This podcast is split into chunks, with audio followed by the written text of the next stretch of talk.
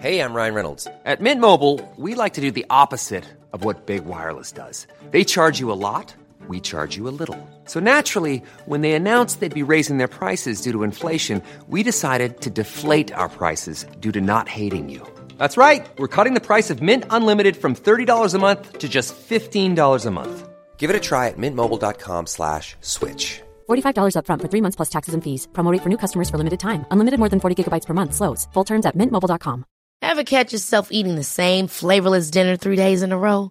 Dreaming of something better? Well, HelloFresh is your guilt-free dream come true, baby. It's me, Kiki Palmer. Let's wake up those taste buds with hot, juicy pecan-crusted chicken or garlic butter shrimp scampi. Mm. Hello Fresh. Stop dreaming of all the delicious possibilities and dig in at HelloFresh.com. Let's get this dinner party started.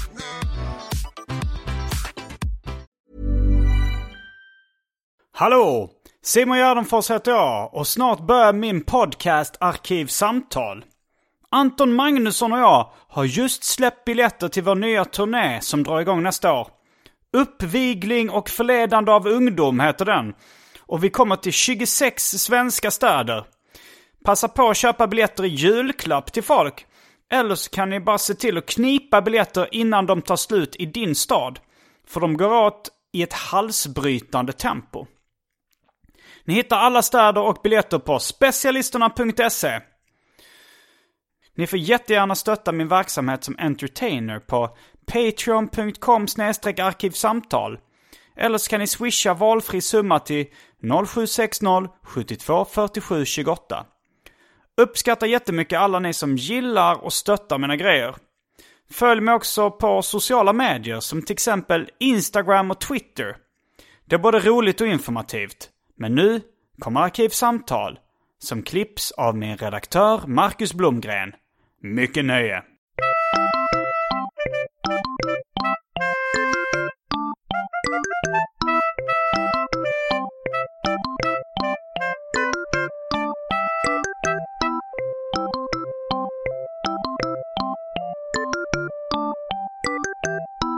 Hej och välkomna till Arkivsamtal. Jag heter Simon Gärdenfors och mitt emot mig sitter Fritte Fritzson. Hej! Välkommen hit. Tack snälla. Du är komiker och klubbarrangör och podcastare. Stämmer.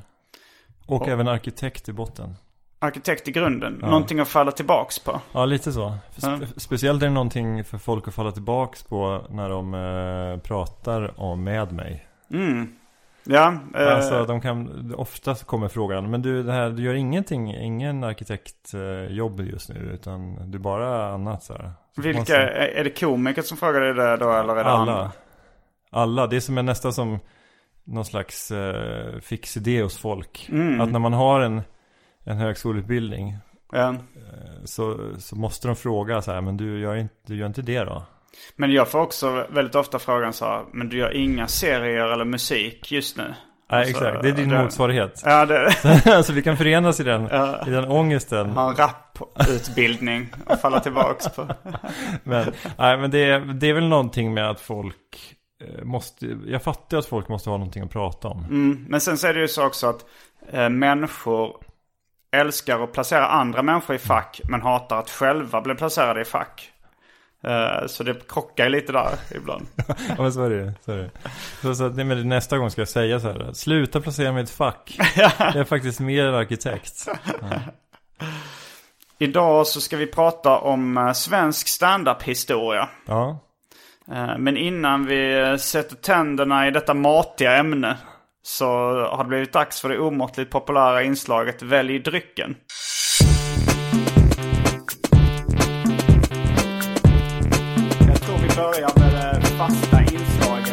Drycken!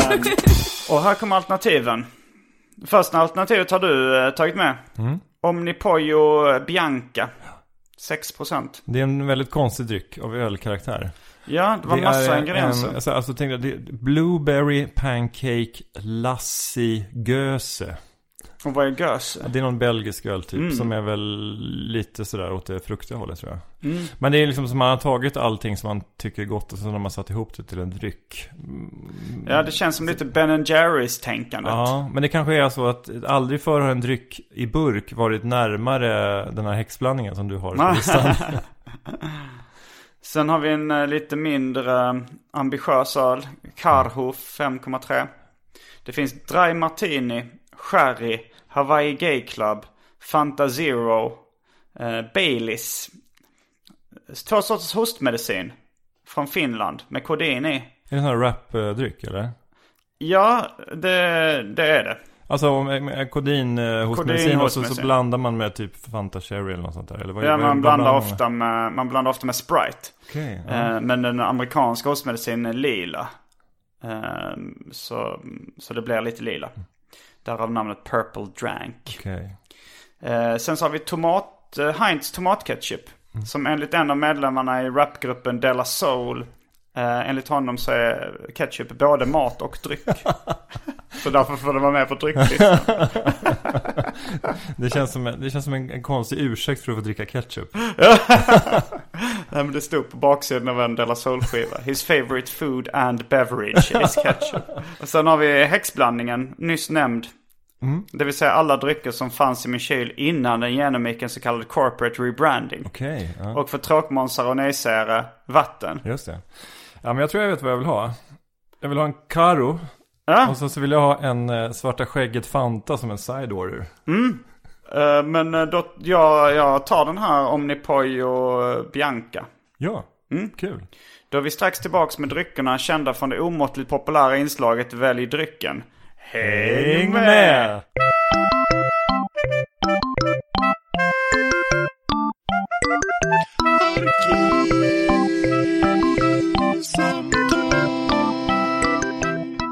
Ja, då är vi tillbaks med dryckerna. Den här, eh, den var verkligen stark färg på den där. Den är inte ens, eh, den är opak.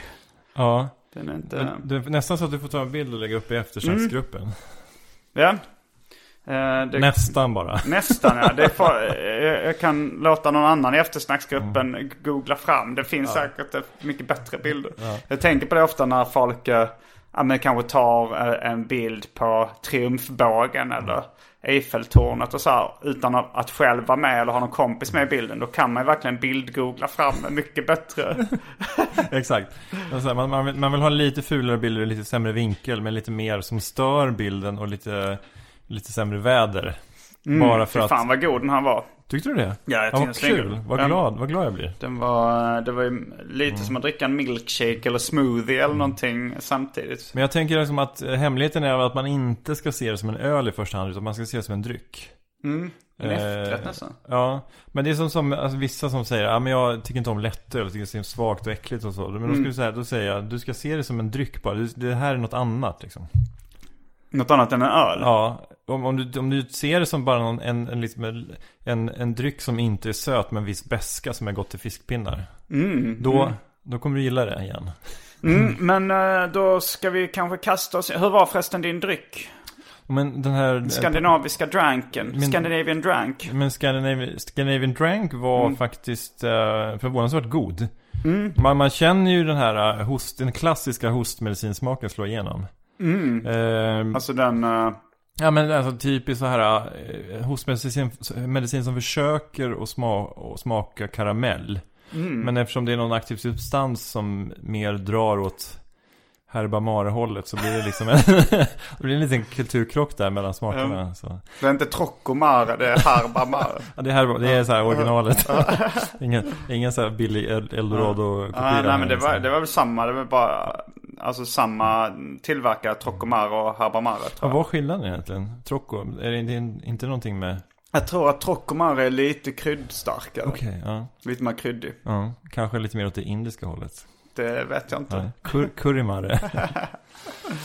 Eh, nej men det var, det var god faktiskt. Och Karin var ju eh, också väldigt trevlig. Mm. Men, den, men det, det känns som att den är lite mörkare än vissa andra så här pils, så här, eh, prisblå. Men det kanske är bara en svinvilla, jag vet inte. Jag vet inte heller. Men då eh, ska vi kasta oss in på ehm, temat. eh, svensk standup-historia. Ja. Jag har lyssnat ganska mycket på, eller jag har lyssnat på alla avsnitt av en amerikansk podd som heter The History of Standup. Och den tyckte jag var väldigt intressant. Eh, och du har ju varit med väldigt länge. Och nu ska vi göra någonting motsvarande då, fast i Sverige tänkte jag. Ja, Vi får alltså, se hur men- långt vi kommer. Ifall, ifall vi inte hinner med hela fram tills idag. Eh, då, då, då blir det en del två. Ja, men jag ska bara säga det att Mm. eh, när jag föreslog stand-up-branschen då, då var det mer att jag tänkte att man skulle prata om så här klubbscener och så. Mm, men den, den är ju en del av standup-historien. Så att jag ska bara säga när det gäller så här förhistorien så här. Mm. 70-80-tal så kan jag ju säga att då kommer det bli, jag kommer ju skjuta, eller du kanske också kommer skjuta en del från höften. Men det är Mm. ju lite grann det den här podden går ut på också. Ja, den är rätt slapp. Mm. Men, eh, men jag, jag känner ändå att jag kan mer än folk i allmänhet kan Mm. om svensk standup-historia. Jag har sett och läst rätt mycket om det. Eh, och du är ju något av... ehm, ja men, för, för vi är ju liksom, tillhör ju lite samma komikergeneration. Men du är lite av den här generationens grand old man. Jag, jag, Poddgenerationens grand old ja, man. men kan, det kan, kan det vara så att jag är Sveriges äldsta humorpoddare? Är du äldre än... Nej, alltså Sparring- Alex och Sparring- Sigge och- Sparring- Ja, äldre. Sparring äldre, okej. Ja. Och ni har en podd ihop? ja, och den får väl betraktas som en humorpodd. Det är i alla fall en sån här pratpodd. Ni är längst och äldst. Ja, kan man säga. Men det tycker jag är ganska kul. Eh, jag vet inte, det känns som att jag hittade hem när jag började podda med Anders. För att eh, det är väldigt kul att jobba med honom faktiskt. Mm. Jag kan säga, få nämna det, att den heter Fyra meter om man vill Ja. lyssna. Kommer ut en gång i veckan, precis som Arkivsamtal. Mm. Och det är egentligen bara, eh, så- som alla andra pratpoddar, vi sitter och, vi sitter och babblar och eh, skjuter väldigt mycket från höften. Mm, men den är bra. Jag har Tack hört snälla. en hel del. Ja, tack. Ehm, mm. Är det nu jag ska säga att jag har hört lite Arkivsamtal och gillar det, din det, podd? har, det, det vet nog. Det tar folk för givet. Ja. Men, eh, men det är ju intressant, om man ska börja prata om svensk standup-historia så, så är frågan om var, var man ska börja. För att det, om man pratar förhistoria så, alltså att, att det stod en man, då oftast en gubbe då, på en scen och pratade. Det, det är ju ett gammalt fenomen. Eh, så att, Det har funnits teatermonologer. exakt. Det har funnits roliga historier berättade. Ja, bondkomiker stod ju oftast och, och, och drog vitsar på scenen. Eh, Det finns ett arkiv, eller nu blandar jag ihop arkivsamtal med snedtänkt avsnitt om bondkomik. Eh, och vad, fanns ju Vad- någon som hette Fridolf Rudin till exempel. vad sa du? Fridolf Rudin fanns det väl någon som hette tror jag. Han kanske var skådis också, men jag har för mig att han var också lite så här ah, kringresande. Mm. Men, eh, men stand-up comedy, det är ju ofta liksom, brukar definieras som, det är en person på scenen eh, som inte är i en karaktär, utan eh, är sig själv. Mm. Och eh, skämtar. Och ja, men det, det sägs att det började då någon, någon gång i, i Sverige i slutet av 80-talet. Det, det har... eh, många har liksom hävdat att de var först i Sverige med stand-up. Bland annat uh, Magnus Magnus, Härenstam. Magnus Härenstam. Ja. Han gjorde en föreställning som hette, Föredraget va? ja, föredraget. Men då satt han ner Ja. vid ett skrivbord tror jag. Och jag tror att det var ganska mycket, om jag inte helt missminner mig, att han hade eh, lyssnat in sig på lite LP-skivor va, eller? Ja, jag har ju inte hört föredraget. Nej. Men på den tiden, i början av svensk stand-up-historia, så stal folk ganska mycket. Och det är från ju inte- amerikanska komiker. Och det är ju intressant. Mm. För att idag är det ju verkligen tabu att stjäla skämt. Mm. Det är verkligen, eh, det är, liksom, det är på samma nivå som, som eh, pedofili och högförräderi. Mm. Eller pedofili, eller skämt om pedofili är mindre allvarligt än att stjäla skämt kan man säga. Ja, I, in, humorbranschen. inom branschen. Ja. Men däremot, eller en Eksvärd har däremot så helt omvänt förhållande på dem. Har hon stulit några skämt någon gång? Nej, men nej. Det vet man aldrig. Nej, precis. Men hon, hon eh, tar nog inte Ja, hon lika hårt tycker på det. nog som- att det är jobb. Hon, hon gillar inte att när folk skämtar om pedofili. Nej, nej, det kan vi konstatera. Ja. Jag sticker ut hakan lite eh, Nej men det, men precis. Men det, Härenstam är ju värd att nämna när det gäller förhistorien. ja, absolut. Men sen fanns det ju någon annan, något annat event som var i Stockholm på 80-talet också. Där man testade stand-up och, och där man tänkte att eh, publiken, eh, svenska publiken är så tråkig och inte interagerar. Mm. Så därför gav man ju någon slags skumgummibollar till publiken som de skulle kasta på komikerna. Ja, jag för mig det var på Berns. Ja, det kan nog stämma. Men vilket gav, gjorde- gjorde att komikerna fick ingen rytm utan de fick bara massa bollar på sig. Mm. Så det blev ju det blev som en sån här pinsam japansk uh, gameshow. Mm. eh, istället för någonting eh, kulturellt. Och sen eh, drog de igång eh, det här gänget som nu, eh, eh, Norra Brunn-gänget. Alltså kan man väl kalla dem, även om den första, första klubben inte låg på Norra Brunn. Ja, det var Västermans i Gamla stan tror jag. Eh, på övervåningen där. Det var ett, liksom ett gäng som stegade upp till Västermans och frågade om de kunde få köra det här nya då som heter stand-up comedy. Eh, och eh, bland de första, Jonas Hallberg var ju, var ju eh, pionjär. Eh, Som idag har radioprogrammet uh, Spanarna. Eller? eh, ja, han har inte men han är ju med Han är i med i panelen, det, panelen ibland. Eh, Jonas Hallberg och eh, pratar, han har den här uppsaliensiska, den här, uh, pratar lite så här. Mm. Han låter som en så här, som man tänker sig att en överläkare i en film pratar. Är det kanske Robert Gustafsson som har gjort den där överläkaren till, till så här, sinnebilden för hur en överläkare pratar? Eh, Så han var en av de första. ja, Jan Sigurd var tidig också. Vad Mm. estradören och författaren Jan Sigurd. Som idag är ihop med Anna-Lena Brundin faktiskt. Ja, som också var en tidig svensk ståuppkomiker. Ja. Hon hette ju Bergelin under ett, ett, ett period, men nu är det tillbaks till Brundin va? Ja, men hon hette ju Bergelin. Och sen hette hon Brundin. Och sen Mm. hette hon Bergelin. Och sen heter hon Brundin igen. Oj, det är Så mycket B. Ja, men hon föddes ju då som Berlin. Mm. Men sen gifte hon ju sig med Olof Brundin som var då eh, journalist på Aftonbladet. Mm. Och sen eh, när de skilde sig så ville hon byta tillbaks till sitt, eh, föl- till sitt barndomsnamn då, Berlin. Mm. Och, eh, men sen ins jag tror att det var så att hon insåg att, ja men det här med Anna-Lena Brundin, det är nog rätt inarbetat ändå. Brand recognition. Exakt, Mm. så att det här med att jag bytte efternamn, det var nog dumt. Så att då bytte hon tillbaka till Brundin, i alla fall eh, som, som eh, artistnamn tror jag. Oklart vad hon heter i, passet faktiskt, jag har inte frågat. Men hon, det är väl ungefär det. Det här avsnittet kanske bara kan handla om Anna-Lena Brundins Ja. olika namnbyten. Men eh, Anna-Lena Brundin tror jag var den första eh, ståuppen jag någonsin såg. Okej, Vi- vilket sam- var det på? Det var på tv. På i Slängd i brunnen? Eh, jag tror inte det var Slängd i brunnen. För, alltså, för att Slängd i brunnen såg jag senare. Då kommer jag ihåg liksom det upplägget med massa olika komiker och sånt där. Det här var nog något annat sammanhang. Det, det här kan ha varit, det skulle kunna ha varit en typ Aktuellt eller Rapport. Mm. något sånt som bara hade ett inslag från någon show. Eller liksom, för att jag, jag minns det att jag var ganska liten. Mm. Och hon pratade om eh, begreppet en snabbis. Ah, okej. Och jag blev ganska chockad som barn då. Tänkte så här. Alltså för jag, jag visste väldigt lite om sex liksom. Eh, Jag, jag, Va? Va? Som barn? Visste, visste du Ja ingenting om sex? vissa kanske ändå hade liksom eh, hört talas lite mer om det kanske. Alltså så här, på porr och Ja, liksom, du- hade kanske någon kompis som... Det alltså, du visste hade, om, om sex hade du fått från Sverigehäftet.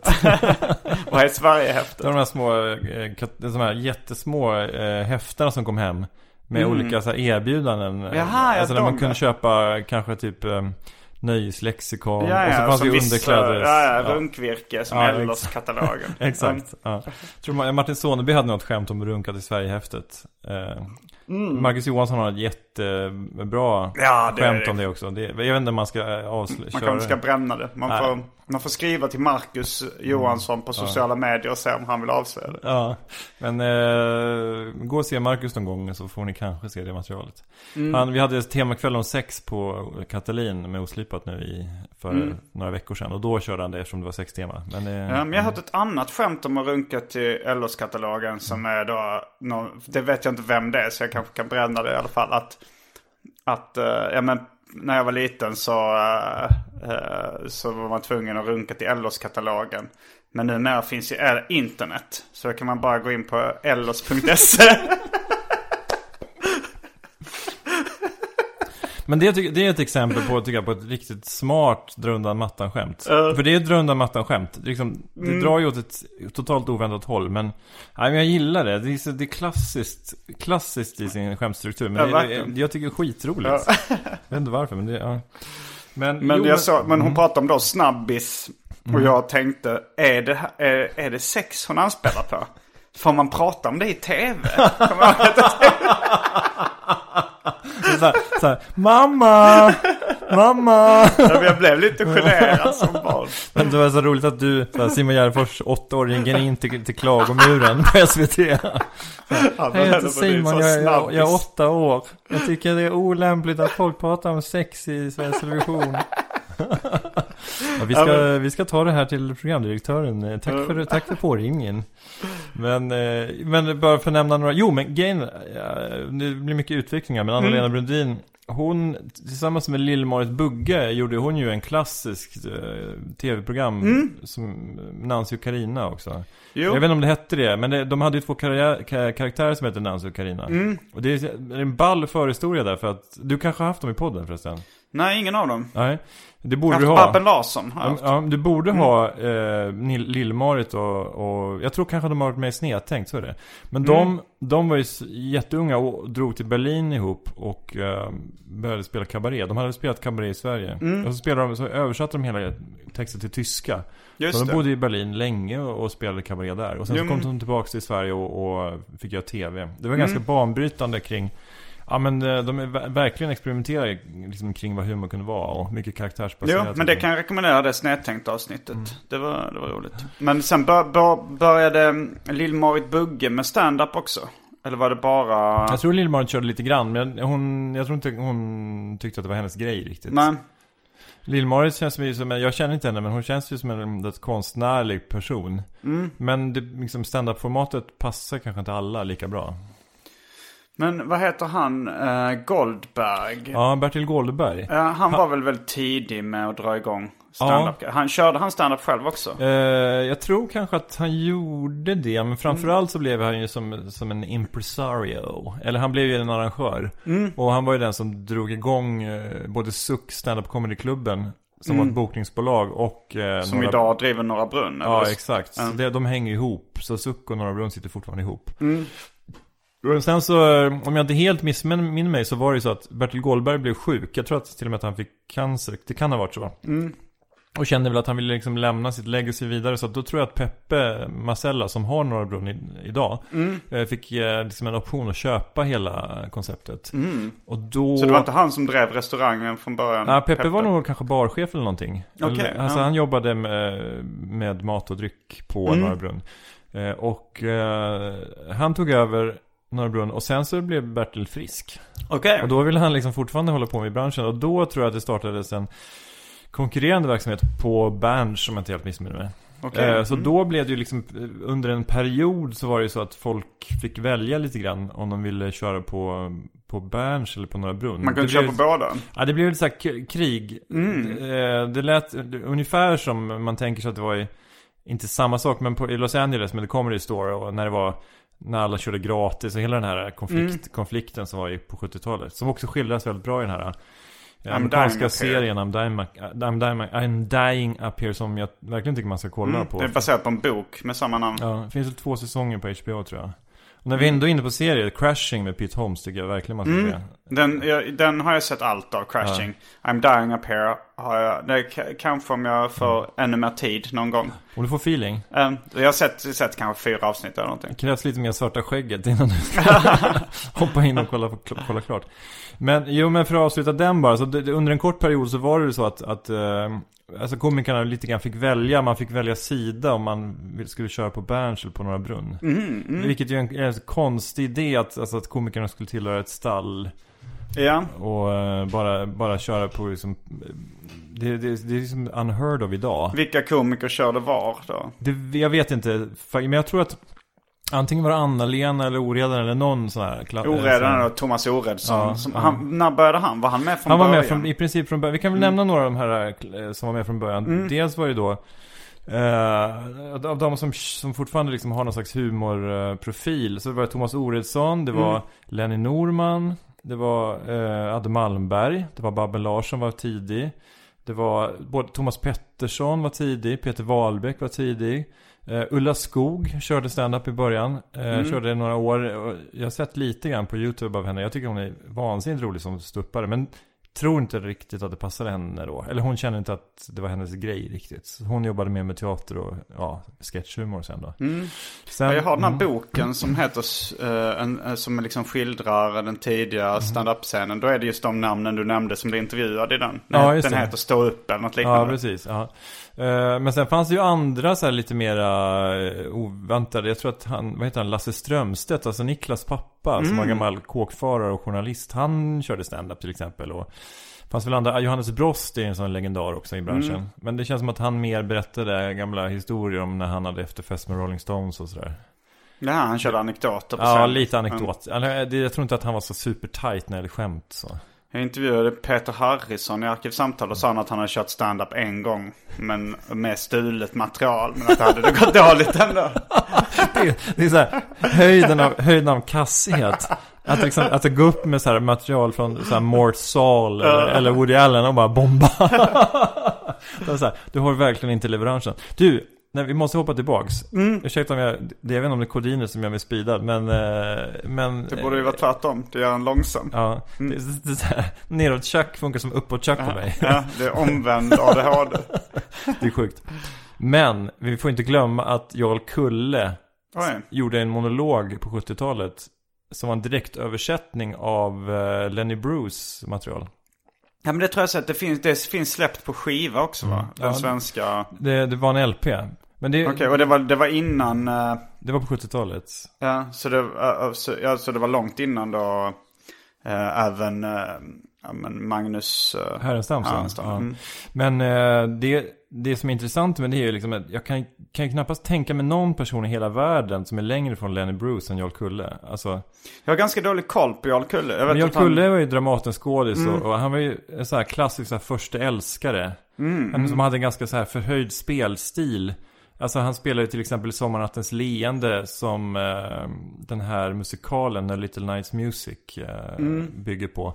Eh, så, så ja, men Jarl Kulle han spelade så här och, och han hade det stora uttrycket och inte minst i eh, Fanny och Alexander.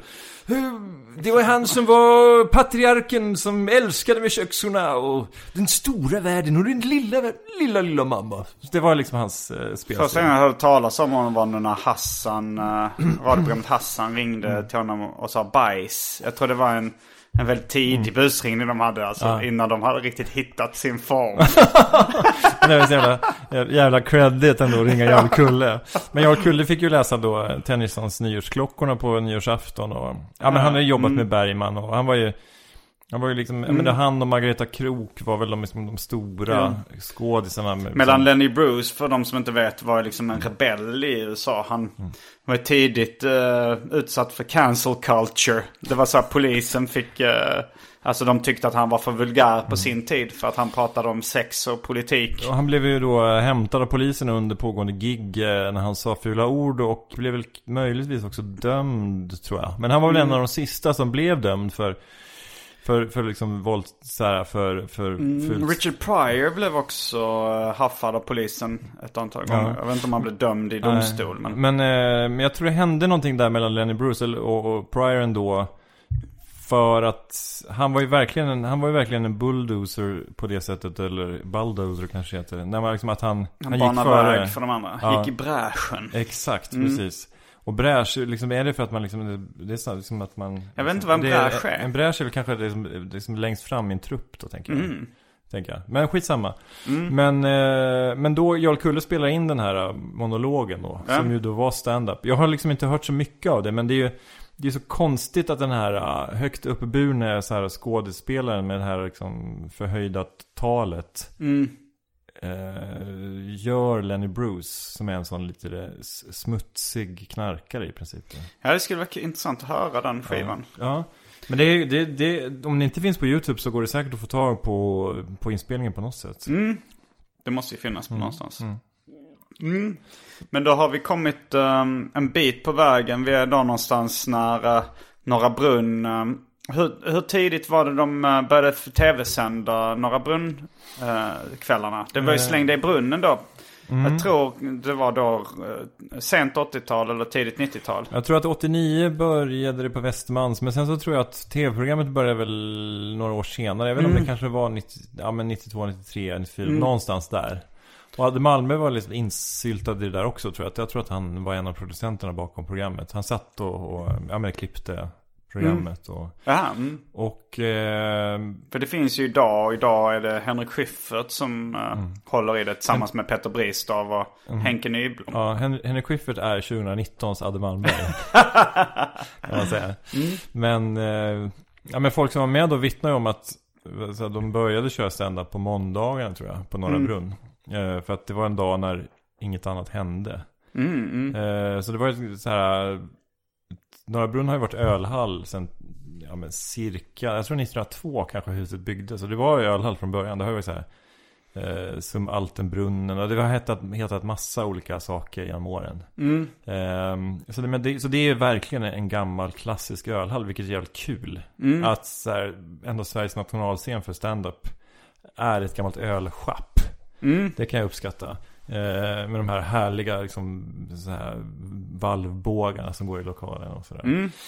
Men, men så, så började de på, på måndagarna, om det var söndagar, jag tror det var måndagarna. Och sen så liksom så åt sig stand-upen in i resten av veckan. Så till slut så var det då stand-up typ fem, sex dagar i veckan. Nu har de väl varje dag förutom uh, måndagar och tisdagar. Nej, de har tisdagar också. Ja, men Alla dagar. söndagarna är stängda. Ja, söndag och måndag. Så tisdag till lördag varje vecka egentligen med ett kort Mm. sommaruppehåll och ett kort juluppehåll. Så det är väl liksom den, den äldsta klubben som fortfarande finns kvar. Ja. Och det fanns ju inte så jättemånga klubbar innan. Nej men grejen var det på 90-talet, då var det så att jag tror att det fanns någon klubb i, eh, i Örebro som var lite mer re- reguljär. Mm. På Björnstugan eller någonting, eller Bishop Arms. Men någon, någon av de ställena. Men, men eh, i övrigt så var det ganska mycket att Suck då, som, som bokade nästan alla, de hade ju i princip monopol på marknaden. Så att folk ringde ju till Suck stand-up comedy-klubben och bokade komiker. Och då fick man ju åka ut då till någon restaurang i Skövde eller Flen eller, eller Hudiksvall. Och så fick man ju då, ja men det är oftast så här betalt i cash. Så det var en ganska så här, det var en ganska så här mm, Klondike-bransch på det sättet. Det, Man, det var, man var inte tvungen att skatta för det om man inte ville. nej, det, det kanske var någon enstaka som, som, som, som Suck skickade faktura då till restaurangen. Men det var, det kändes som att det var liksom kuvertpengarnas gyllene liksom tidsålder. Och så Jag såg ju den här eh, dokumentären om eh, Ali Hussein. Eh, han hette på riktigt uh, Lasse Lindroth. Eller Lars Lindroth förmodligen. Ja, precis. men men där, där var det också handla om hur, hur, hur lyxigt han kunde leva efter ett tag. Då hade han liksom slagit igenom på, på Norra Brunn och börjat liksom turnera eller åka runt egentligen på restauranger och sånt runt om i landet. Men de berättade så att han köpte liksom en asstor lägenhet på Östermalm och hade egen basketplan där inne och klädde sig i liksom lyxiga kläder. Att det verkade vara rätt mycket stålar i branschen då i början. Ja men jag tror att jag tror det var ganska mycket eh, cash som rullade in där. Och, eh, men jag tror att det var ganska mycket så att man, man åkte dit och sen bara så, så satt man i köket och så var det någon krögare som hälsade och så sa han okej nu kan du köra. Och så bara gick man in. Det var liksom, det fanns ingen struktur kring att det fanns en konferencier för komiker utan det var väldigt mycket one man band i början tror jag. Hey, I'm Ryan Reynolds. At Mint Mobile, we like to do the opposite of what Big Wireless does. They charge you a lot, we charge you a little. So naturally, when they announced they'd be raising their prices due to inflation, we decided to deflate our prices due to not hating you. That's right. We're cutting the price of Mint Unlimited from $30 a month to just $15 a month. Give it a try at mintmobile.com slash switch. $45 up front for three months plus taxes and fees. Promo rate for new customers for limited time. Unlimited more than 40 gigabytes per month. Slows. Full terms at mintmobile.com. Ever catch yourself eating the same flavorless dinner three days in a row? Dreaming of something better? Well, HelloFresh is your guilt-free dream come true, baby. It's me, Gigi Palmer. Let's wake up those taste buds with hot, juicy pecan-crusted chicken or garlic butter shrimp scampi. Mm. Hello Fresh. Stop dreaming of all the delicious possibilities and dig in at HelloFresh.com. Let's get this dinner party started. Life is full of awesome what ifs, and some not so much, like unexpected medical costs. That's why United Healthcare provides Health Protector Guard fixed indemnity insurance plans to supplement your primary plan and help manage out of pocket costs. Learn more at uh1.com. Den här klubbstrukturen som vi har idag. Mm. Det känns ju som att den, den kom ju inte på allvar förrän någon gång långt senare egentligen. Alltså Mac i Malmö, Malmö Comedy Club. Mm, de är ju rätt tidiga också. Ja, startade väl eh, någon gång i början av 00-talet. Mm, var det så? Eh, Jag tror de är ännu tidigare. Ja, men 98 då möjligtvis. Mm. Men alltså, säg att, det- säg att de är 20-21 år gamla. Men, men det är inte mycket Var det mer än Lena så. Frisk som Det var startade Lena Mac? Frisk som startade Mac. Och, och det, det är ju nog en av de absolut, förutom Norra Brunn, absolut äldsta då idag fungerande klubbarna. Mm, Gasta Gävle är väl ganska gammal också? Ja, fast den är långt yngre. Okej, Ja, ja. då, det är nog någon Trea. gång... Nej, då är nog uh, Raw startade 2004 och Mm. Oslipat startade 2006. Då tror jag inte Gasta fanns. Okej. Nej, jag, Jag tror jag har Gasta inte varit, är- När var du började i standup? Ja, men jag började ju 2006 och det var ju samma år som vi startade Oslipat. Okej, så du, du börjar med att starta en egen klubb? Ja, ja, det är ju helt fel ordning egentligen. Mm. Men det är, också, det är också för att jag är lite speciell, för att jag, jag tycker om den här arrangörssidan. Jag gillar, gillar hela den här kulturen av att driva saker. Mm. Gammal föreningsmänniska, det är ju liksom Marcus Johansson också som jag har klubben med. Så att det, eh, de flesta komiker är ju inte intresserad av att driva klubb och inte så bra på det heller. Nej, många gör det ju i början för att få sentid så startar de en egen klubb. Men, men den strukturen du pratar om som standupklubbar har idag. Det är ofta då kanske att publiken släpps in vid halv åtta. Det är på ett ställe man kan köpa öl. Man, man kan köpa öl. Och sen så börjar det klockan åtta med att en konferencier och köpa öl och öl och mer öl. Och Ett skämt som du har öl. skrivit för övrigt till Peter Wahlbeck. När han ska roasta Glenn Hysén. Ja. Det är väldigt roligt. Finns på YouTube. Men... eh, och sen så är det en konferenser som värmer upp. Man spelar lite musik innan för att det ska bli stämning. Mm. Drar några skämt så att publiken ska liksom komma igång och, och skratta innan den första komikern. Så kanske man släpper på ofta en, en rookie. Mm. Som kör fem minuter. Hajmat. Mm. Och, och, så, och sen så är det då eh, ja, men, två halvor. Ofta eh, två, tre komiker i varje halva. Och avslutas med då en headliner. Som, för det, det har jag märkt också när man kommer till, till klubbar där folk inte har hållit på så länge och arrangerat. De kan slänga in den mest liksom, populäraste eller erfarnaste komikern någonstans i mitten. Och sen avsluta med någon halvtaskig. Men, det är, men det, är, det inte det ganska ovanligt vad? Jo, det är ovanligt. Ja, men det... Förutom, alltså, alltså när jag var i New York, eh, då kunde det vara så att, att eh, de släppte på de mest kända komikerna på primetime. Till exempel på Comic Strip, som är liksom en klassisk klubb i New York City. Där släppte de på liksom de, de bästa komikerna på primetime då, att vid 10-11 tiden var de. Och sen framåt småtimmarna då, då gick rookies på. Ja, men Och hur så- funkar det då? Jag vet, jag känner till det konceptet ju. Men, men då är det ju mer, men då är det lite mer till flytande att man fyller på med publik också. Man behöver inte sitta man, Nej. sex timmar tänker jag. Nej men det är väl att de vill, vill också så här, att folk ska kunna droppa in och ut och köpa öl och mer öl. Och, nej men så här att det, om man vill sitta kvar på klubben till tre på morgonen så ska man få det. För det kommer alltid finnas eh, unga hungriga rookies. Eh, och föredettingar, gamla föredettingar som försöker komma tillbaks eller bara ha lite mänsklig närhet. Eller hur, precis. Men det är ju också det som är intressant med den svenska klubbkulturen. Att den är väldigt, så här, väldigt eh, inkluderande tycker jag, oftast. För att i, i USA känns det mycket mer som att man, eh, apropå det här med hajmat som jag sa, att man, liksom, man man slänger ut någon rookie, ja men nu får liksom visa, så här, skratta eller dö lite grann. Men i Sverige så känns det mycket mer som att man bäddar in nya komiker. Jag menar, det går upp en erfaren konferencier först. Och sen Mm. kanske möjligtvis man släpper på en rookie. Men, eller också släpper man på rookien först i andra halvlek när, när publiken har kommit igång. Ja. Man tänker mer på att vi ska bygga en bra kväll än att varje person ska bevisa sig, vara på styva, styva lina liksom. Jo men det kanske blir bättre också om, om, eh, om publiken får ett gott första intryck då. Att inte, att inte rookien uh, öppnar. Alltid. Eller hur? Men, eh, men om vi ska försöka backa tillbaks bandet till där vi var någonstans. Att Släng dig i brunnen har visats på tv. Det blir liksom den första på något sätt boomen av svensk standup. Eh, Babben Larsen berättar ju att hon blev i stort sett stjärna över en natt. I och med Släng dig i brunnen. Att hon, att hon, eh, ja, men hon blev igenkänd och fick jättemycket jobb. Och sådär. Och det var ju ett gäng då komiker som verkligen kunde leva gott på det och turnera runt. Det fanns inte så många standupklubbar. Det började väl poppa upp fler och fler då runt om i Sverige på 90-talet. Eh, Men sen händer det någonting, för sen är det ju den här stora standup-döden som folk kall, kallar det. Alltså när, runt millennieskiftet där, 98, 01, 02 där. Alltså det, att det var väldigt mycket så att luften gick ur branschen. Ehm, ja, då var jag helt frånkopplad från... Ja. eh, det kanske Från var därför för att inte du liksom stöttade. det som gjorde att det eh, Ja, inte nej, funkar längre. ja, jag, jag stöttade nästan aldrig den innan jag började själv. Jo, lite grann. Alltså så här, eh, när jag flyttade till Stockholm och började gå på Big Ben och sådär. Då började jag bli lite mer intresserad av svensk standup. Men jag, jag minns ju när jag, jag flyttade till Lund 91. Mm. Det var ungefär samtidigt som Svensk Standup slog igenom. Och eh, då liksom pluggade jag på universitetet och höll på med en massa studentkultur. Höll på med så här studentspex och gjorde te, student-tv och karneval, Lundakarnevalen och så här väldigt studentikosa grejer. Mm. Men det var ju lite, lite roligt att hela den kulturen såg ju ner lite grann på stand-up comedy.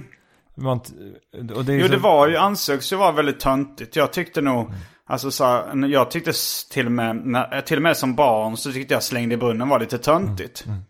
Eh, jag tyckte ju så här, Eddie Murphy tyckte jag var cool. eh, när jag sa Raw Delirious på VHS.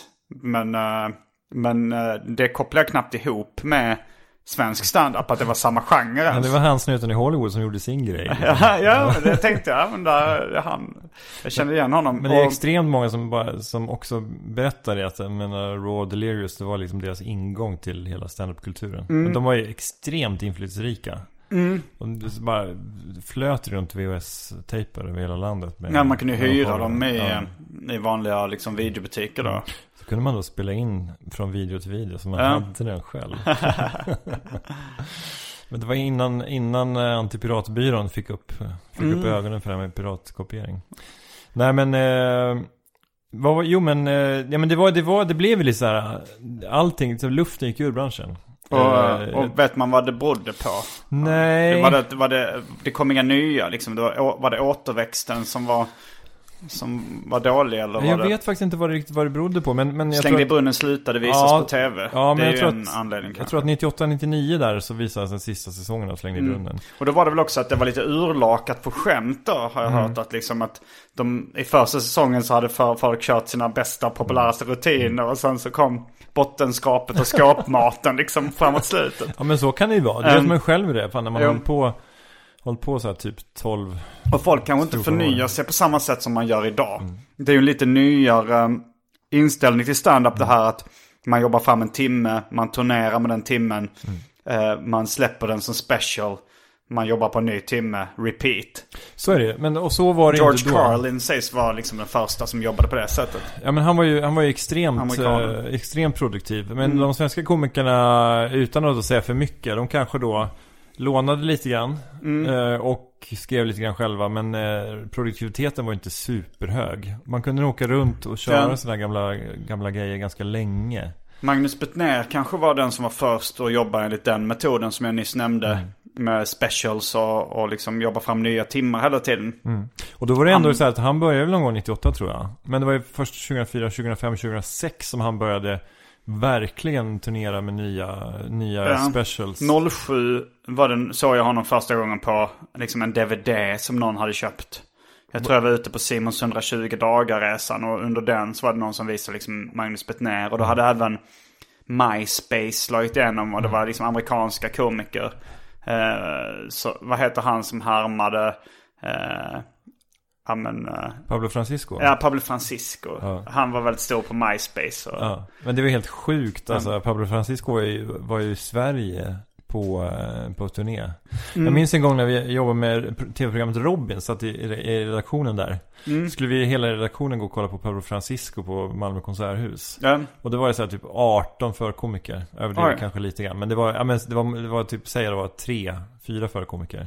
Vilket år var det här? Eh, ja men det kanske var 08 eller någonting, 0, Mm. 09. Eh, men, uh, men förkomikerna var varierande kvalitet. Men det var ju så här, eh, ganska så här hack. Var det Malmö-komiker? Nej, Jaha, det var, han, tog hade med sig, egna. En som Mm. heter Flip Schultz. Ja, Som var, som folk tyckte var skitbra. Men det var väl bara för att han var, amerikan. han var helt okej jämfört med de övriga. Mm, jag tror han har kört här på Stockholm Comedy Club. Jag kan, kan ha sett honom någon gång och jag var inte jätteimponerad. Men sen så kom Pablo Francisco, men sen då, då minns jag att jag och Marcus, Marcus var med i redaktionen då, det året också. Då gick vi, då gick vi för vi tyckte det var så, så här dåligt. Och då minns jag att det var en tjej i redaktionen där som blev så fruktansvärt arg för de tyckte att vi pissade på, på de som satt kvar. För att vi var så himla highbrow. Att vi tyckte Aha, att, det var så ja. himla, att vi var så himla coola. Som, Hade ni startat där klubb då? Ja, det hade vi. Mm. Men eh, det, jag, jag, jag kan ju ge henne rätt, för att det är ju här töntigt. Men jag tyckte verkligen att det var helt eh, vedervärdigt. Mm. Men Magnus Bettner, han började på i slutet av 90-talet då när den stora standup-döden var på något Ja, sätt. Precis. Och det var väl ganska många andra som drog, som, alltså Ann Westin hade väl börjat då. Var det inte Özz Nujen och Måns Möller började väl också då? Ja, Järv, de- Järvheden och några till. Ja. Och de började då liksom i mitten av standup-döden kan man säga. ja, precis. Så det var, om man ska så bunta ihop dem till generation två så kanske det, det var de då. Som Mm. Och, var eh, delar. Och Mårten Andersson också. Ja, och de, men de, eh, de associerar rätt mycket med eh, Stockholm Live. Ja, precis. Mm. Då, det var ju eh, ett tv-program som, som då blev Nya slängde i brunnen. Men liksom en, en, en tuff ungdomsprofil då. Mm. Till skillnad från slängde i brunnen som var mer kanske att Ronny Eriksson stod och berättade hur det var i någon by i Västerbotten och så. Mm. Man får, man får liksom, man, man får inte igång, eh, man får inte igång motorn då. Så får man fråga någon granne som har, som har startkablar eller motorvärmare och så, ja så går tiden och så, så, så är läkartiden i, i, i, i Umeå, den rinner iväg liksom. Nej, ingen, ingen rutin så, men, men varför liksom, vi är någon slags, Ja, det låter med, för det, det är parallellt med Släng dig i brunnen så gick Har du hört den förut? Evert Ljusberg och vad hette kvinnan? Margareta Som, Kjellberg. Margareta Kjellberg. ja. De höll i ett uh, roliga historia-program som också var på en bar, liksom en ölhall kan man väl säga. Som var liksom en kuliss på SVT Sundsvall. Var det det? Ja, jag tror Okej. att det var, det var en Det var ingen uppbyggd, mil- uppbyggd miljö på SVT's TV-hus i. Sundsvall. Det, Det var- såg ju väldigt gemytligt ut den där baren. De tappade upp öl och, Men det var och så drog som- de roliga historier. Men, men det var liksom det du just drog. Det lät lät ju mer liksom åt Har du hört den förut historien? Det var väldigt långa setups och svaga punchlines. Men när punchen kom så blev det ändå ett förlösande skratt. mer, man kan skratta för att det var så skönt att man fick gå vidare. Verkligen, verkligen. Men, eh, jo men, men eh, Stockholm Live var ju, så lanserades som ett så här supertufft ungdomsprogram ju. Mm. Där det både var eh, Özz Jakob Ökvist, eh, Janne Westerlund och Sean Atzi. Som var värdarna då. Mm, sen de- hade de gäster som... eh, Ja, ja visst. Det var ju eh, Johan Glans Johan sett, Glans ja. och Betnér och Peter Wahlbeck och Avestin Mm. och massa olika människor där. Och då hade liksom Johan Glans inte riktigt slagit igenom då. Eh, nej, han var inte alls så stor som han blev sen. Men han hade väl kanske möjligtvis eh, debuterat i parlamentet då. Okej. När, eh, när började parlamentet sändas? Eh, ja men det är också någon gång i den så här under stand-up-döden tror jag. Det kanske Mm. sent 90-tal, tidigt 00-tal skulle jag säga. Mm, Eh, för det kanske också liksom gav en liten skjuts åt uh, svensk ståuppkomik. För det var många ståuppkomiker som var med där. Och sen Ja, men har de kanske lättare att sälja biljetter eftersom de är kända från tv. Ja men exakt, men så var det liksom att de här panelprogrammen med parlamentet i spetsen blev ju då Alltså Bettner var, blev ju stjärna genom parlamentet och till Mm. viss del även Johan Glans eh, och Batra, även om de sen då gjorde Kvarteret Skatan och andra program. Som de byggde Mm. ju upp mer Men innan dess hade de ju ett program som hette Räkfrossa. Just det. Där även Henrik Elmer var med och gjorde lite... eh, Mm, lite som också inslag. var en uh, slängde i brunnen uh, komiker. Ja, och det, det var roligt för att he- i många år var ju Henrik Elmer den enda quirky komikern i Sverige. Mm, han var lite absurdistisk och Exakt. alternativ. Ja. Eh, men han håller ju fortfarande på. Men, men det var ju roligt att det, det kanske fanns någon annan. Men det, det kändes lite grann som att ja, men vi har plats för en crazy komiker. Eh, En som är lite så här finurligt knasig liksom. mm. Ja, jag skulle inte säga att det är jättevanligt idag heller. Nej. Alltså inte, inte, inte, inte lika knasig som uh, Henrik Elmer nej. här och var. nej, det kanske, det kanske är... Det, är- det är nog svårt att slå sig fram som, och, vara en lika knasig komiker. Mm, alltså kanske Henk, Henrik Nyblom. Henke Ja. Nyblom är, har ju en rätt knasig stil på scen. Det har han ju, men han är ju, han, jag skulle säga att han är ju Sveriges mest experimentella komiker. Mm. Och eh, han har ju en väldigt knasig stil. Ja, och han är inspirerad av liksom eh, Steve Martin och Victor Borge och a- andra liksom gamla experimentella komiker. Liberace. Vad han, körde han ko- komik? Nej, nej. jag bara, det, du nämnde... För ibland kan det vara så här vissa, alltså vissa som är kända sångare eller någonting som, man, som också man, de har haft en stand-up karriär. Ja men Jamie Foxx är ju ståuppkomiker också. Det känns lite konstigt. Ja. Ja, men det, ja, idag är det väl konstigt. Um, Så.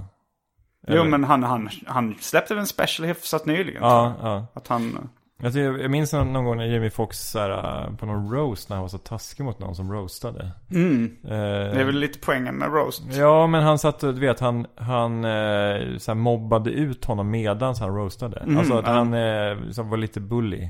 Um, Och så, sen dess så, eller jag tyckte inte om honom innan heller. nej. Bara, mest därför, men också för att Ja, han, jag, han är jag, svart. ja, jag är- har aldrig varit ett jättestort Jamie Foxx-fan. Han är bra på refrängen i uh, Gold Digger med Mm. Kanye West. Men det är ju, det är ju något av en cover. Ja, refrängen. lite så, lite så. Men Jamie Foxx är också en sån här person som man, eh, men finns det någon som så här är ett Jamie Foxx-fan liksom? Alltså det är som vissa... Jag har aldrig träffat någon Jamie Foxx-fan. men men det är det är ganska som- få eh, underhållare som har fans överhuvudtaget. Ja, alltså när det gäller komiker och musikartister så är det väl supervanligt. Men när det Jo, gäller... det är ganska många som inte har det också. Alltså, det, det var... Nej men jag, jag snackade, jag skojade någon gång eh, och sa, ni vet när man eh, eh, sätter sig på krogen liksom och, man råkar hamna vid ett bord där alla är så Adam Alsing-fans. Stora Adam Alsing-fans. För han är ju väldigt känd, liksom Ja, en populär underhållare. Ja. Men jag tror aldrig jag träffat så här en Adam Alsing-fan. Nej, nej. ja, men, men och, eh, jag tror att kanske att det finns en liten sorg i det. Men jag, jag tänker man sorg att, att inte ha fans. Men jag tänker Jo, det är klart. Men skillnaden, men skillnaden mellan dig och mig skulle jag säga att att jag tycker jag är stolt över mycket av det jag gör. Mm. Men jag skulle säga att jag har väldigt få fans. Men jag tror ju att du har en sån profil Mm. med, i ditt skapande. Så att du, du faktiskt har fans. Jo men det, det tror jag jag har. Ja, tror eller så ljuger folk kan de säga. Jag är ett fan. Ja, precis. Men om du går på gatan och blir stoppad hela tiden, då har du fans. Mm. Och det antar jag att det blir, eller? Uh, jo men det blir jag rätt ofta. Ja. Uh, blir inte du det? Jo, nej men det är väl så här, någon, någon på tunnelbanan någon gång som tar ut lurarna bara så här, eh, bra podd. Och så stoppar Mm. Jo. de i dem igen typ. Men, men på ett sätt så är det ju, jag tror att saker du har gjort har väldigt mycket fans. Alltså du var ju med och grundade Alla Mina Kamrater, podden. Och eh, din podd eh, som heter Allt Du Velat Veta. Den har ju liksom också fans. Fast de, de kanske är mer fans av produkten än uh, personkulten. Ja men så är det ju, så är det ju. Det är ju, det är ju ganska ofta folk kommer fram och så här fortfarande och så här, men tack för, eh, fan vad roligt, vad kul med AMK, jag lyssnar Mm. fortfarande och Ja, för där Ja. märker man att ni har fans när det blir så AMK reunion så säljer det slut skala rätt snabbt. Mm. Ja, och- precis. Eh, så det är ju liksom fortfarande en pengamaskin. Mm. Cashen ska in Simon, Det du vet, du vet hur det är. och det potatis på bordet. Ja men precis. Mm. Ja. Men, eh, men in, inget kött. det bara, bara, bara, en, bara en, liksom en billig skysås och, och potatis. Som man Det köpt. blir ingen klimpsås. mm, men ska vi, ka- ska vi försöka hitta tillbaks någonstans? Vi, jag tror vi befinner oss någonstans där mitt i stand-up-döden. Och Mm. det börjar puttra lite med eh, Stockholm Live Mm. och eh, Parlamentet kanske. Ja, Blir det. en ny boom då efter det? Ja men då, då börjar det puttra så sakteliga. Mm. Ehm, alltså tv-programmet Stockholm Live kommer. Mm. Parlamentet och, och andra panelhumorprogram som Time Out och 100% och Extra Extra börjar sändas. Mm. Eh, Det, det vill säga det finns fler Vilket år är vi på nu ungefär? Ja men nu, nu är det början av 00-talet. Eh, Men, men eh, och eh, vilket innebär att fler komiker kan sitta i paneler men också fler komiker som får få jobb där de kan Mm. sitta och skriva skämt. Vilket gör att folk kan börja livnära sig på sin humor mer. Sådana Ja. som Ola Söderholm och, och Fredrik Andersson och andra som, som börjar som kanske mer som Alltså de, håller, de är ju komiker och är väldigt duktiga på det också men de, de Mm. Sa du Ola Söderholm? Ja. Ja. Ja, de, att de kan börja liksom skriva grejer också. Mm. Började de med det så tidigt? Ja, men inte just då. Men de, när, när liksom, säg mitten av 00-talet då. Mm. Men sen kom ju då Raw, startade 2004 också, Mårten Anderssons klubb. Som från början är en idé om att det ska vara verkligen, nu ska vi lyfta humorn till att bli ännu skitigare och hårdare. Mm. Eh, och det är ju en sån klubb i början. Men sen utvecklas ju det till att bli mer en, eh, en väldigt glassig och proffsig klubb. Som är, jag menar, med de bästa komikerna. Och... Eh, Ja, det är mainstream, mer mainstream nu. Ja, det är det ju. Men det är liksom ändå med någon slags... Eh, de lyfter ju ändå nya namn och sådär också samtidigt. Men, och de börjar göra tv på kanal 5 också ju. Eh, Raw i på femman. Och det börjar dyka... Mm, det, det. det kommer några år. Ja, men jag vet inte om det är i samma veva eller strax efter Stockholm Live. Ja, det är jag efter. säga. Jag tror Stockholm Live har Ja. slutat sändas där. Ja, så att det är liksom, men liksom en lång rad av liksom tv-program. Mm. Och det är där någonstans du börjar också. Ja, jag började 06 och då startade vi Oslipat. Mm. Eh, men där, i den vevan så kom, så skulle jag säga att där kommer den tredje generationens ståuppare. Är med oslipat. Ja, Eller- inte, ja, men i och med hela den vågen där. Ja, Men vilket då- lite har en bas i Malmö på något sätt också. Ja. Så ni startar väl oslipat i Malmö? Ja, men det är väl liksom olika scener. Men dels så, så startar du sådana här stora namn som Björn Gustafsson. Mm. Eh, Börjar han då- börjar han börjar med stand-up 06. Okej. ja. Och eh, får ju pl- plockas ju upp i parlamentet svinsnabbt då. Mm. Och blir en stjärna över en natt i princip. Men sen är det en massa andra som Petra Mede, Kodjo Kolor, eh, Kristoffer Appelqvist och andra som, som också börjar med stand-up då. Mm. Och eh, samtidigt startade vi då Slipat i Malmö och då där växte ju mer så här uh, organ, det är liksom lite mer hemvävt. Det är mycket så här P3-komiker och ja, men Jesper Rönndahl, Josefin Johansson, Ankan Johansson. Eh, folk som har hållit på med radio som Mm, börjar Kringlan kö- köra stand-up. Kring, började- ja, Kringlan, Thomas Högblom, jag och Marcus och eh, så småningom lite, lite andra figurer. Johannes Finnlaugsson och Petrina Solange kommer ju sen också. Så att det är liksom Mm. lite olika, det blir lite, det utvecklar sig till lite olika scener. Mm. Eh, kan man säga, under den tiden. Jo, och sen uh, slog ju liksom Jesper Rönndahl igenom stort. Och, Ja, och sen kom ju poddarna då någon gång. När var det de? eh, ja men det var nog alltså kanske uh, runt. Ja, när vi började podda runt 2012 som det boomade där, alltså den scenen. ja, Och det var ju den, den vävan som jag började med stand-up också. Och då kändes det som också att det blev en liten uppsving när... För att då kunde man marknadsföra sin stand... Det var många stand-up-komiker som började med poddar. Och de kunde marknadsföra sina gig och sånt via poddarna. Och jag tror det var fler då som började lyssna på ståuppkomiker för att liksom de populära humorpoddarna drevs av. Och det var ju Tes Knas till exempel som då var... Ja, men Soran, Petter Bristav och Aron Flam. Ja men TS Knas var väl störst och sen var det väl alla mina kamrater och arkivsamtal. Det var väl liksom de stora. Jag kommer inte de ihåg Ja, Kristoffer. Triumf hade ju, har ju värvet. Och han pra, intervjuade väldigt mycket ståuppkomiker Mm. och liksom pratade mycket om att han själv eh, bör, hade börjat med stand-up och sånt också i början. Jag minns att han hade både Appelqvist och eh, Soran ganska tidigt. Ja, Ehm, och det så var var det liksom hans... första och Appelqvist var det tredje. Ja, och sånt, så, så det var ju väldigt mycket hans claim to fame också att han hade så bra gäster i början där. Mm. Men sen var han ju duktig också såklart. Och ja men då var det liksom några av de största poddarna drevs av ståuppkomiker eller folk som var väldigt stand-up intresserade. Förutom då kanske Filip och Fredrik och Alex och Sigge som...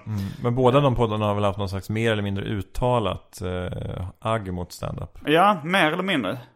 Det, det känns som att det, det, de har... Eh, jag tror att det i vissa fall ändå handlar om att man har någon slags idé om att man själv skulle vilja testa. Jo men det tror jag de flesta som håller på med humor i någon form eh, vill, eh, vill ju då testa standup. Och, eh, ja, det finns ju rykten om att de eh, vill göra det. men jag vet inte hur mycket sanning det ligger Det finns ju rykten om att de har testat i, äh, i olika länder. Finns det det? Nej jag vet inte, men jag vet ju att Schyffert åkte till New York och gick Ja. en kurs För att han ville, så här, han ville mjukstarta med sin standup Mm. eh, Och testa under så här, neutrala betingelser Eftersom han, han visste att han kunde inte gå upp på en scen i Sverige och vara anonym Nej. Utan han var tvungen att börja där Ja, det är många som uh, krediterar uh, Schyffert också med liksom att göra stand-up coolt. Jag vet inte hur mycket sanning det ligger i det men när var det han började? Men jag tror att han började någon gång i, i början av 00-talet också. Ja, Jag vet att 2004 höll han ju definitivt på. Men eh, så, Körde han i Stockholm live? Eh, jag tror att han körde i Stockholm Live, men jag är inte, jag är inte helt säker. Nej. Och sen så småningom började Johan Rheborg också. Just det. Så där liksom två, när två i Killinggänget hade börjat med stand-up, då var det ju Mm. ändå, då var det ju helt accepterat. Ja. Och eh, sen var det väl också tror jag att ju, ju, eh, internet eh, genomslag Internet Jo. exploderade. Ja, ja, men det gjorde också att eh, svenskar kunde upptäcka amerikanska ståuppkomiker på ett helt annat sätt. Och därför få en... Eh, och tycka det var rätt coolt. I, Sverige, I Sverige tycker vi ju det är ganska coolt med USA. Ja, det öppnar också upp den här dörren att folk på fester kunde sitta och, och, och säga saker som att Nej men jag gillar amerikansk stand-up, eh, jag vet inte, jag gillar svensk stand-up, det är inte riktigt lika bra. Ja, Den hör man ju fortfarande ibland.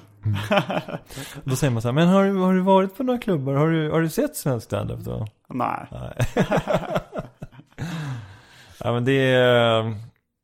Nej men det finns ju massa förståsigpåare som, som så bygger sina, fortfarande bygger sina uttalanden om stand-up på hörsägen och någon, något enstaka gammalt klipp sådär. Ja, hörsägen. Ja. Ja, lite irriterande. Men å andra sidan så det känns ju som att alltså stand-up långsamt börjar bli mer en kulturform som folk har respekt för. Jo det tror jag. Men det, det, jag, jag kommer ju från seriebranschen och sånt där också. Och där är det lite samma grej. Att till exempel tidningarna eh, som skriver då. De, de kunde, eh, alltså kulturrecensenterna kunde litteratur och eh, eh, teater i viss mån och film liksom. Men de kan inte teckna serier, de kan inte stand-up. Och då blir det liksom recensionerna och reportagen alltid så himla dåliga eller tjofaderitton-aktiga. Och, det, och, så, och det, det är ju så att jättemånga ståuppkomiker, nu senast Magnus Betnér har ju klagat jättemycket på journalistiken. Med all rätt. Ja, jo, nu, det finns, det är ju någon, eh, jag kommer inte ihåg vad han heter, men en snubbe på Göteborgs-Posten som verkar vara rätt insatt. Och jag tror han var med i den här bat- debatten mot, med, med Betnér också. Ja. Jonathan någonting. Ja, just det. Jag tror att han, eh, när jag och Ankan var på ståuppklubben i, i våras så tror jag att vi fick dåligt betyg. Så att just nu står han, eh, Ja, står han inte så nu högt nu på står min han lista. som okunnig. Just nu, men nästa gång när han ger mig en bra recension, då, då står han som kunnig. Jo men det märks ändå att han har ett visst intresse för det liksom. Ja. Att, han har, att han inte, alltså det är inte det här, alltså som i, i seriebranschen så var det ju så här, ja men även då runt millennieskiftet så kunde, så kunde liksom komma reportage med så här. Nu för tiden är serier inte bara Kalanka och, och eh, Fantomen längre. Utan det, kan, det finns eh, folk som berättar om sina egna liv och så. här. Nu för tiden så kan rita folk serier i svartvit. Ja, ja men så här, så här du, det, redan på 80-talet kom Maus. Ja, du, du, har miss, du har missat de här. Du har missat Art Spiegelman. Ja, jo, men, du har missat eh, nästan allt. Det. ja. Nu för tiden är det inte bara knallhatten och knoll och Nej, tott. men, jag tror Mats Jonsson som gjorde en jämförelse att varje filmrecension skulle inledas med sånt där. Nu för tiden är film, det är inte bara Chaplin. det, man kan berätta om, alltså så för att, och det är så störigt. Men lite det så har ju liksom stand-up. Mm. Men, men som du säger så tror jag att det långsamt börjar bli bättre. Att Ja. folk börjar få lite koll. Ja, men jag minns ju någon stand-up-gala för kanske tio år sedan när Schyffert höll ett brandtal att han menar ju att, eh, att så här, vi ska inte vara finkultur. Det är liksom ingen mening. Stand-up ska, ska alltid vara en skitig Mm. källare. Det, är liksom, det måste bygga på det. Ja. Ja, men det Tillbaks behöver inte vara lite- finkultur tycker Nej. jag inte heller. Men Nej. alltså som film eller musik. Det är ju inte så att all musik är finkultur. Men folk har lite koll på i alla fall att det finns olika genrer. För så är det ju liksom. eh, Det är fortfarande ett problem tycker jag med svensk standup. Att, att genreblandningen kan vara. Alltså så här, en kväll på Norra Brunn så, eh, så kan jag gå upp eh, samma kväll som. Alltså. Uh, ja, men till exempel, jag skulle, jag, Leta febrilt efter någon så här Ja, jag tänker på. Adde Malmberg som är en Ja. annan genre vad jag är. Nu, eh, han är ju skicklig i sin genre. Eh, så det är inte det. Problemet är att det, det är ungefär som att man släpper på ett dansband på samma musikkväll som en hiphop-akt. Ja, och vem är vem då? Är det Adde som är lite mer hip to the hop eller? Jag säger the hip hip the hip the hip to the hop. Jag Men- vikingar. Ja men med tanke på din popularitet så är det fan, det är fan Christer Sjögren Jag är snart. död. Ja. Nej men det är ju det, men det var, det var väl en av anledningarna till att vi startade Oslipat. Mm. En, en anledning var att vi ville ha sentid. Men, eh, men det, en anledning som, det blev en anledning ganska snabbt att vi, vi tyckte att det var att vi ville att ge folk en scen. Folk som inte blev bokade på Norra Brunn. Mm. Alltså Aron Flam och Jonathan Unge. Nu, nu, nu bokas Jonathan Unge på Norra Brunn. Men det är, också, det är också 12 år senare. Eller 13 Mm. Ja. år senare. Men, men då hade de ingen chans att köra på sådana ställen. Eh, folk som var lite mera, ja men lite, lite mer indie kanske. Man, Det Mm. är alltid tradigt att, att prata om indie. För man säger man att man är indie så är man inte indie. Men, men, eh, ja, men lite så. Men vi har ju bytt nu på Oslipa. Så nu, vår senaste liksom, tagline var ju så här, Sveriges enda riktiga mainstreamklubb.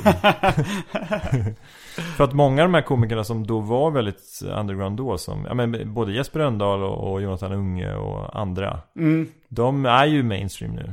Mm. Så branschen har ju förändrats. På något Absolut. Sätt. Och... Men Nu är det Johannes Bränning som är indie. Ja.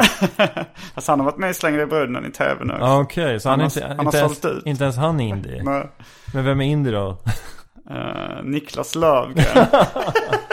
Din, din go-to guy till indiekulturen. Ja. Men det då, all, liksom Johannes Bränning, Kristoffer Nyqvist och Niklas Lövgren skulle värma upp inför Kringlan på hans nästa turné. Mm. Och då så gjorde Kringlan en, en reklam... eh, eh, annons på då, Instagram där det var stod tv-komikerna Johannes Bränning och Christer Nyqvist plus Niklas Lövgren. Det är väldigt roligt. Väldigt roligt. Men, så eh, det var därför jag tänkte på dem som men om, man rä- om, man räknar in The Pine and the Elk så är ju faktiskt eh, Niklas Löfgren också en tv-komiker. Eller Ja, en internet. Ju, det är med Ja. YouTube. Ja, Ja. det är ju också en... Om vi nu ska börja avrunda det här snacket så är ju eh, det senaste Ja, jag måste fan tillskottet... hem alltså. Måste du? Nej jag skojar bara. Men det senaste tillskottet är ju att det kom ju några, några rappare då. Jag, Anton Magnusson och Arman som började med stand-up. Eh, och sen Och så nu... visade det sig att ni var fan bäst. var, det, var det en slump? Nej, men, eh, men jag tänker det senaste, nu har det börjat rätt mycket YouTubers. Alltså Johanna Det- Nordström är ju den senaste som har på något sätt slagit igenom. Hon drar ju svinmycket folk. Ja. Och eh, då, ja men vad är det, Hannes Hedström och eh, Viktor Klemming. Det är rätt många sådana som var kända på YouTube först som nu kör stand-up. Det är lite problematiskt. För att, på grund av missunnsamhet. Ja nu får du fylla i.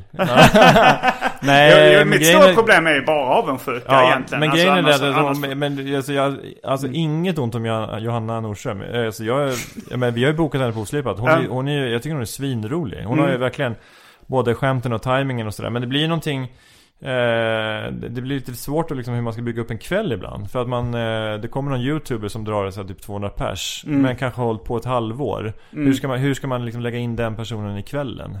Jo. Eh, Johanna har väl avslutat några gånger hos oss, någon gång hos oss. Men sen någon gång så var det Ahmed Berran som avslutade. Eh, och det funkar väl, alltså båda funkar ju bra. Men, eh, men det blir lite, det är lite svårt generellt sett när någon blir känd snabbt. Snabbt liksom och, och kanske inte riktigt har, har, har gjort alla de här timmarna. Och det är verkligen inte sagt för att här, eh, säga någonting, någonting ont om Johanna. För hon är ju, hon är ju väldigt rolig som sagt. Men det, det är ju någonting med, med, med liksom fenomen som växer snabbt. Men det var väl lite med Björn Gustafsson också. Att han, han hade kanske inte 45 minuters standup. Men han blev bokad för att köra 45 minuters standup på olika företagsgrejer och sådär. Mm. Och eh, ja. Men det är ju när man är känd, man, man har en, en svinstor publik i ett forum. Det var ju som i förra avsnittet när du pratade om Det var någon, eh, någon YouTube eller Instagram-stjärna som Ja, det som var, en på- kille som heter Torbjörn som Ja. eh, har samarbetat en del med just Johanna Nordström. Ja, och han, han var på Big Ben och det var helt smetat med folk. Mm. Och det, ja, det var väl mest bra egentligen. Ja, Det var, det var ju bara avundsjukan som satte käppar i hjulet för Mm. Ja, min lycka. ja. Men, eh, men, nej men jag tycker ju att ehm, Ja men det det Alltså om man är, om man är äldre och hållit på ett tag Mm. och så här och, eh, och, och har någon skepsis inför det här eh, YouTube-humorn mm, Eh, då blir det lätt att man blir betraktad bara som, ja men du är bara en bakåtsträvare, du är bara, du är bara missunnsam liksom. Mm. Men eh, jag tycker ju att det är mycket av det är skit. Mm.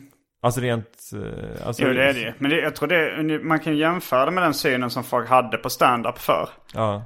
Att, eh, att det kan, men, det, men det, så är det med ganska mycket att det mesta är dåligt och sen finns det några guldkorn. Ja, men det har ju också kommit fram många...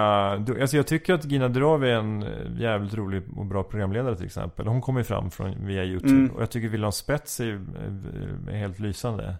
Hans senaste tv-serie där, Filip och Mona, som han gör med Anna Granat är ju för, jävla bra. Man borde säga. Ja men se den, jag tror du skulle gilla den. Så att det, alltså det, det är klart att det, det, är- det är kanske dumt att säga att det är mycket skit för att det är väl som i alla branscher kanske. Ja, alltså med det. musik, det är klart att det Man mesta är kallar skit. sig 90 liksom. regeln eller något Ja. liknande. Så att jag, jag tar tillbaks allt jag sa. Och Men med de orden, det är väldigt bra slutord. Jag tar tillbaka allt jag sa. Och, med de orden avslutar vi veckans avsnitt av Arkivsamtal. Jag heter Simon Gärdenfors. Jag heter Fritte Fritzson. Fullbordat samtal.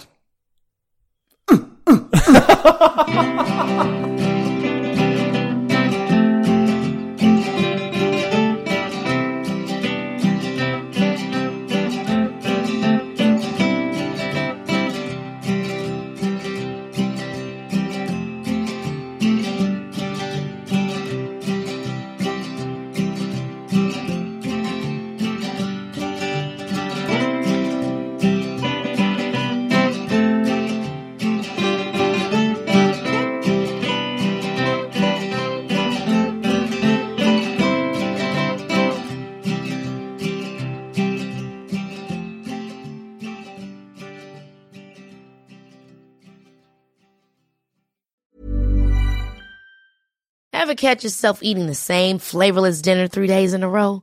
Dreaming of something better? Well, HelloFresh is your guilt-free dream come true, baby. It's me, Kiki Palmer. Let's wake up those taste buds with hot, juicy pecan-crusted chicken or garlic butter shrimp scampi. Mm. Hello Fresh. Stop dreaming of all the delicious possibilities and dig in at HelloFresh.com. Let's get this dinner party started. Even when we're on a budget, we still deserve nice things. Quince is a place to scoop up stunning high-end goods for 50 to 80% less than similar brands. They have buttery soft cashmere sweaters starting at $50, luxurious Italian leather bags, and so much more.